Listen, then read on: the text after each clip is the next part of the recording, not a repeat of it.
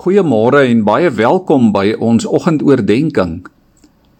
Ek lees onlangs weer die verhaal van die kerkvader Martin Luther.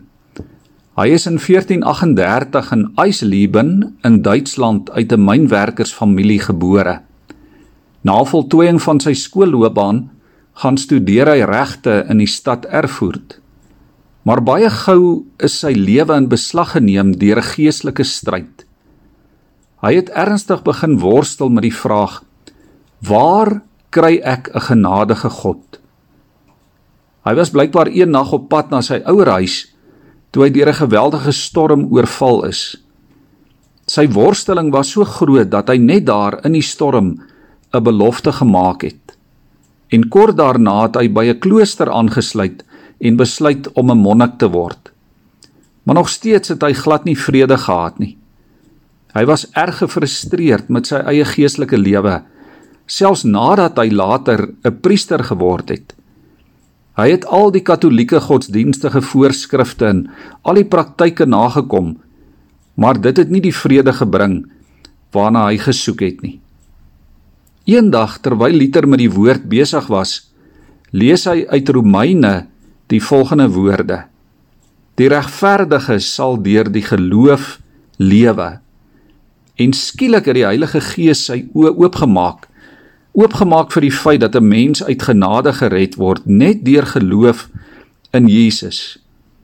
In sy eie woorde was dit asof die poorte van die paradys vir hom oopgegaan het. Dit het hom in opstand laat kom ook teen die stelsel dat 'n mens by die kerk met geld kan betaal om jou sonde los te koop. Luther het 95 klagtes teen die deur van die kerk daar in Witteberg gaan vasspyker.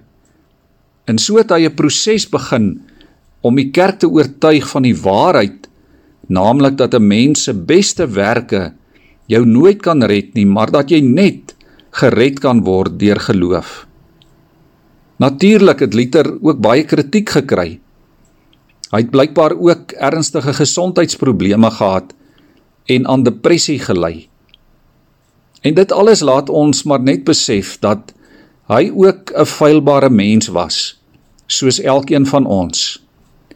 Maar wat vir hom belangrik was, was die waarheid van die evangelie.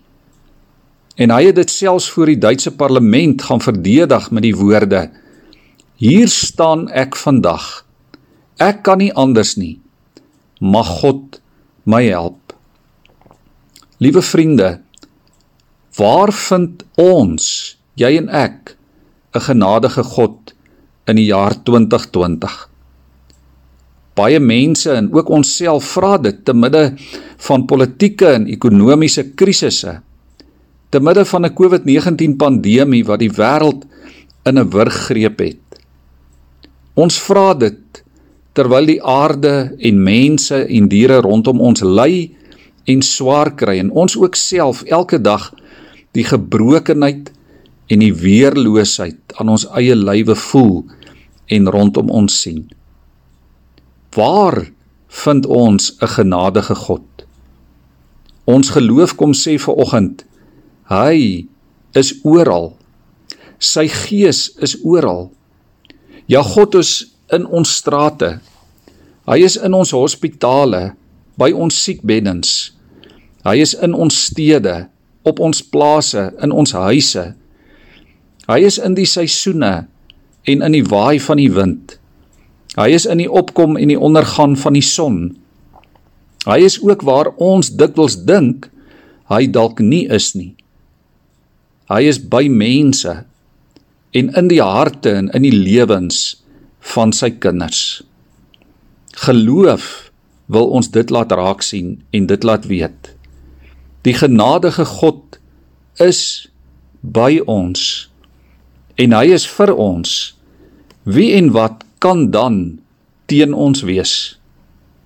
Geloof sê ons vertroue is in die teenwoordige God en in niks en niemand anders nie.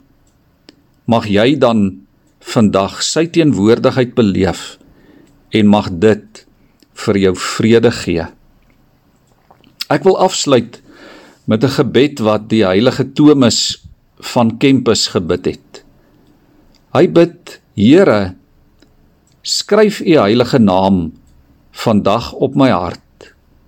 Graweer dit so diep daarin dat geen welvaart my kan weglok van u liefde nie en geen teëspoed my daaraan kan laat twyfel nie. Here, wees vandag vir my 'n vesting by wie ek kan skuil. Wees my trooster wanneer my hart breek. Wees my helper wanneer gevaar dreig. U was nog altyd bereid om te help in nood. Wees bovenal my gids, Here, wat my langs al die versoekings en gevare in die lewe veilig lei na my ewige bestemming by U.